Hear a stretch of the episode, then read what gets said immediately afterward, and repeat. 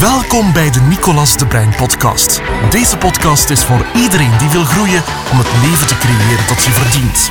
Hij zal concrete inzichten, methodes en mindshifts delen over onderwerpen als ondernemerschap, motivatie, succes, meer inkomen verdienen en hoe je een betere versie van jezelf kunt zijn. Nicolas is een serial entrepreneur, oprichter van Nicolas de Bruin Business Academy, vastgoedinvesteerder, deelnemer van de Sky is the Limit TV-show en vooral liefhebbende vader en echtgenoot. Ik ga eventjes meegeven met jullie waar dat je het beste vastgoed kunt kopen, op welke manier dat je het beste aankoopt en hoe dat je een vermogen kunt opbouwen, een passief inkomensvermogen kunt opbouwen, die meer is dan je actief inkomen. Want dat is uiteindelijk financiële vrijheid.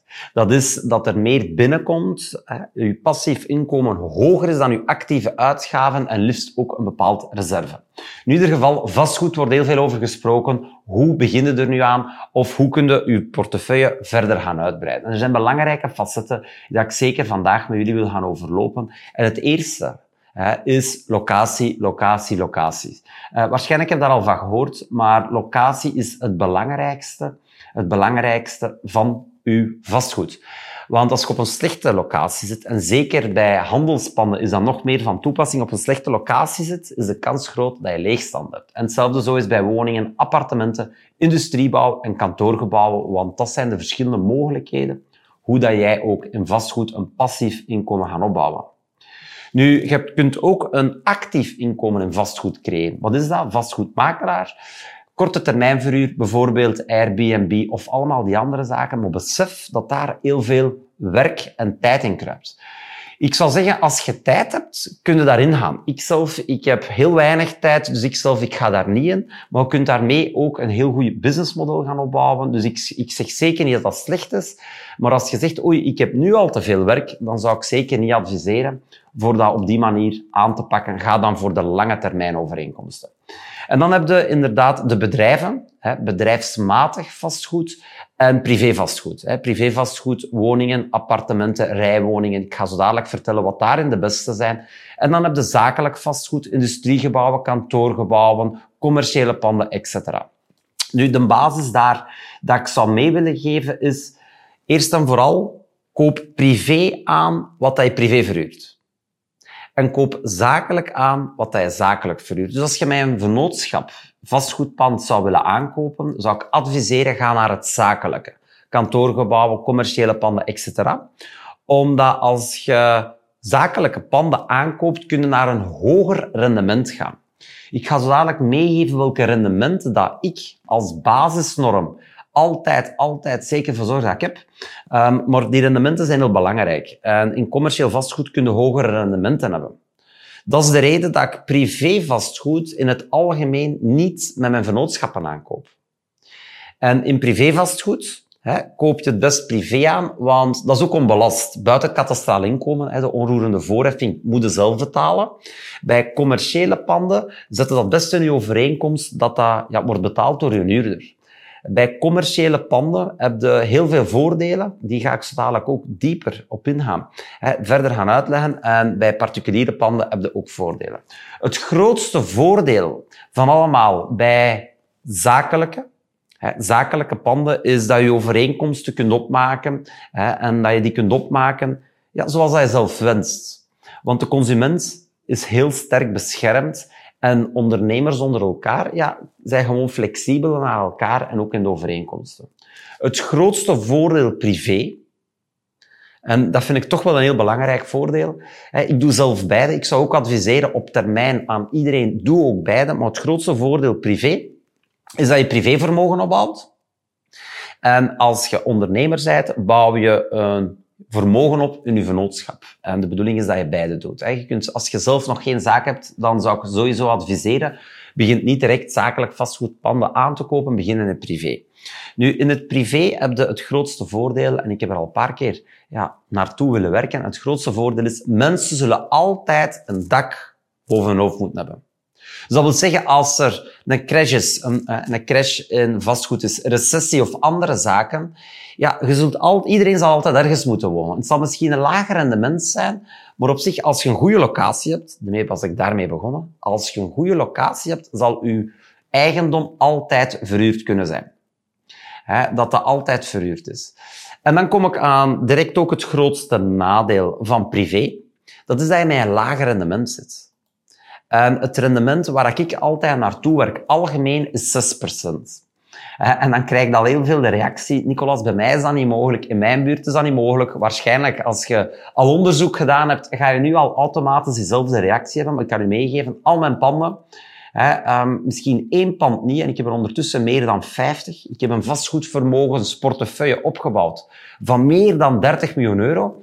En die inzichten ga ik ook met u geven hoe dat jij dat ook kan doen. Nu, al die panden zitten met dat rendement. Gemiddeld bekeken van alles zit ik boven die 6%. Maar 6 is voor mij een absolute minimum, anders gaat een aankoop niet, gewoon niet door. En privématig kun je ook richting die 6% gaan. Je gaat heel erg moeten zoeken. En waarschijnlijk zal dat een pand zijn waarin dat je liefst het zelf niet zult gaan inwonen. Je zult daar liefst zelf niet gaan inwonen. Uh, waarom? Omdat dat ja, niet het perfecte pand is. Pak dat ik dit hier verhuur als woons. Hè, deze is mijn bureau nu. Maar pak dat ik dit, hè, dit kun je perfect gemakkelijk gaan ombouwen naar ja, een woonst. Hè. Het is hier gezellig, het is hier mooi. Ik vind mijn bureau belangrijk dat dat ook een warm gegeven is. Um, als je dat gaat ombouwen naar een bureau, dan zal ik waarschijnlijk nooit aan die 6% kunnen geraken. Hoe dat je aan die 6% geraakt, ga ik iets later nog vertellen. Maar die 6%, wat is dat juist? Dat is op basis van uw jaarinkomen. De Return on Investment, een ROI. En hoe berekende dat? Dat berekende door 6% te nemen van de aankoopwaarde. Dus heel kort gezegd, 6% van een aankoop bijvoorbeeld van 100.000 euro. Als je 100.000 een pand aankoopt van 100.000 euro, dan zouden daar 6000 euro per jaar moeten hebben of 500 euro per maand. Als je 6000 deelt door 12,500 Maar als je op de markt gaat gaan zoeken, dan ga je zien dat heel snel ja, een appartement bijvoorbeeld 250.000 euro kost.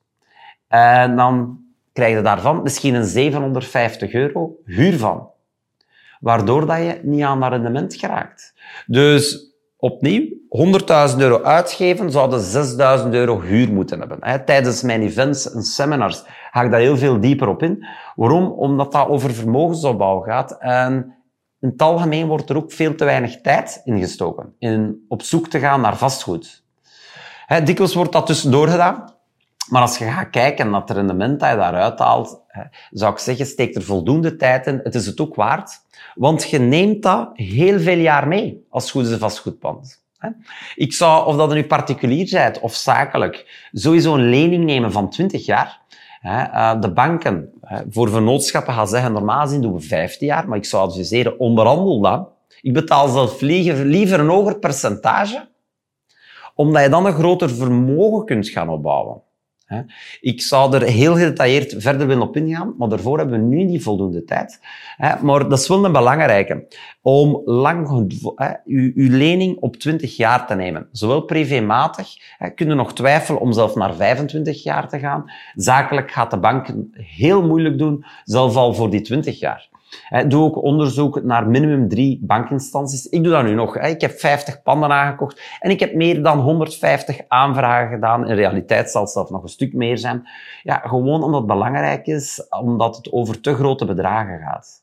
En dat, dat zijn bedragen om even tijd te investeren en kunnen daar 20 jaar lang van genieten van uw onderhandeling of van hoe de goede deal dat je gekregen hebt.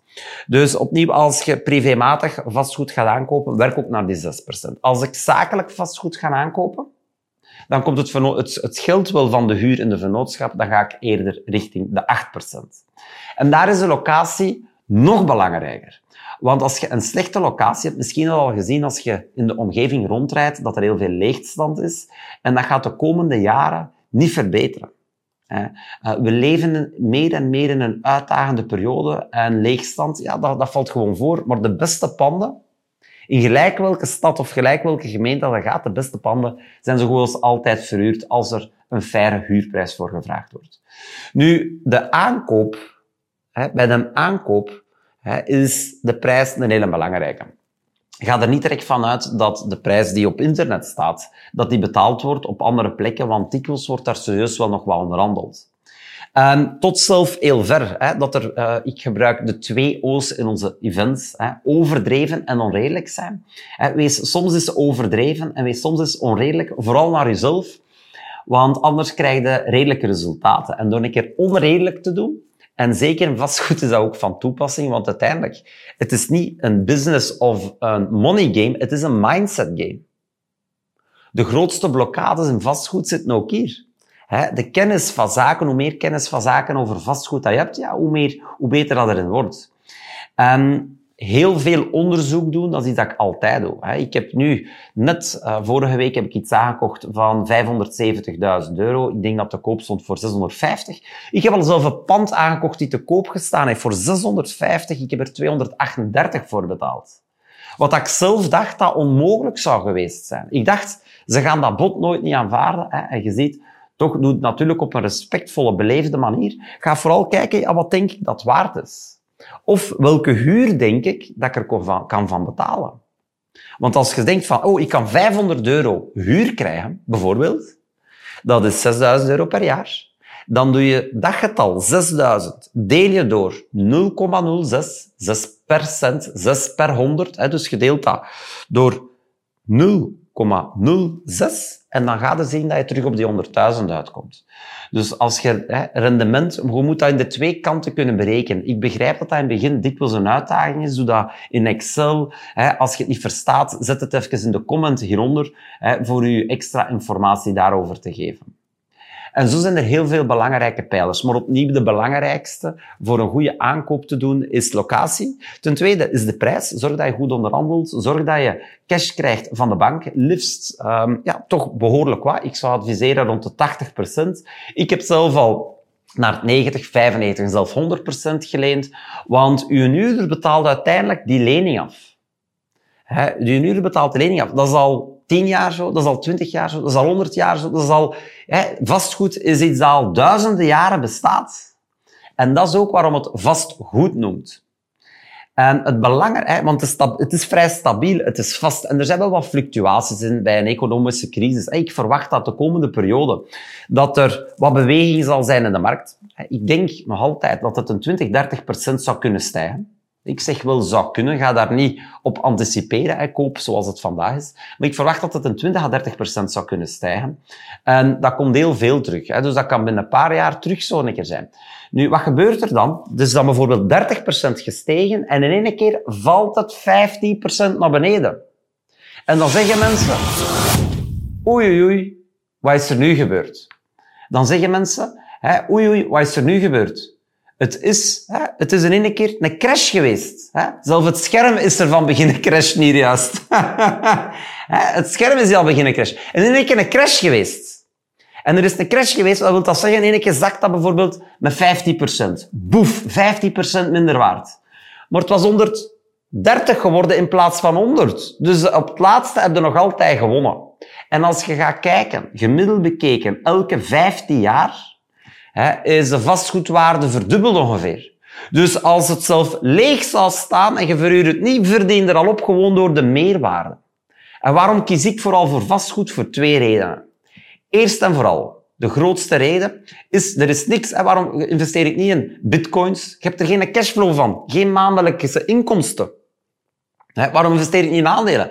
Je hebt er geen cashflow van. Aandelen huren niet, maar ook gronden niet. Ik koop zo goed als geen gronden buiten als naastgelegen gronden zijn. Dat ik denk van, ah, we zijn nu bezig met een wellnesscomplex, een van de grootste in België, te bouwen. En daar heb ik heel veel grond bij gekocht, omdat dat, ja, dat is een uitbating. Dat is iets anders. Maar puur als investering koop ik geen gronden. Want gronden geven geen huurgelden of veel te laag dat je toch nooit niet aan die 6% geraakt. En de tweede grote reden de tweede grote reden die abnormaal belangrijk is in vastgoed, dat is dat je lenen. De bank geeft geen geld om te investeren in bitcoins. De bank geeft geen geld om te investeren ja, in heel veel andere zaken, omdat de bank weet dat vastgoed stabiel is. Zij zijn financieel expert. Zij weten het ook. Zij investeren miljarden en miljarden en miljarden en miljarden in vastgoed ook. Waarom? Omdat ze weet dat er gewoon iets heel goed is en dat zal de volgende jaren nog verder blijven stijgen, zoals het de laatste duizend jaar al gestegen is. En vastgoed, hè, um, lenen is een hele belangrijke, want dan kun je je hefbomen. Want dikwijls, wat wordt er gerekend? Pak dat je bijvoorbeeld 10.000 euro hebt. Trouwens, dat was mijn startbudget als ik begonnen ben in vastgoed. En dat is vandaag nog altijd mogelijk. Als je denkt, ooit is voor mij niet mogelijk.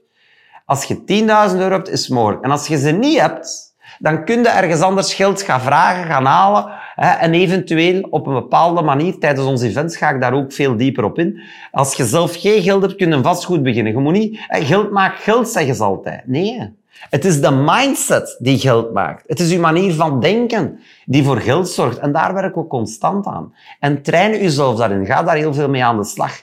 En ik zou zeggen, kom een keer naar een van onze events, koop mijn boeken, volg ons op Facebook, op YouTube. En als je nog vragen hebt over vastgoed, zet ze hieronder. Ik deel graag nog extra informatie met u. En ik hoop u snel terug te zien. Tot binnenkort. Dankjewel en tot snel. Bedankt voor het luisteren naar de Nicolas de Bruin podcast. Voor meer informatie, business tips, gratis trainingen en om meer te weten te komen over onze komende evenementen, bezoek www.ndba.be en volg Nicolas op Facebook, YouTube en Instagram.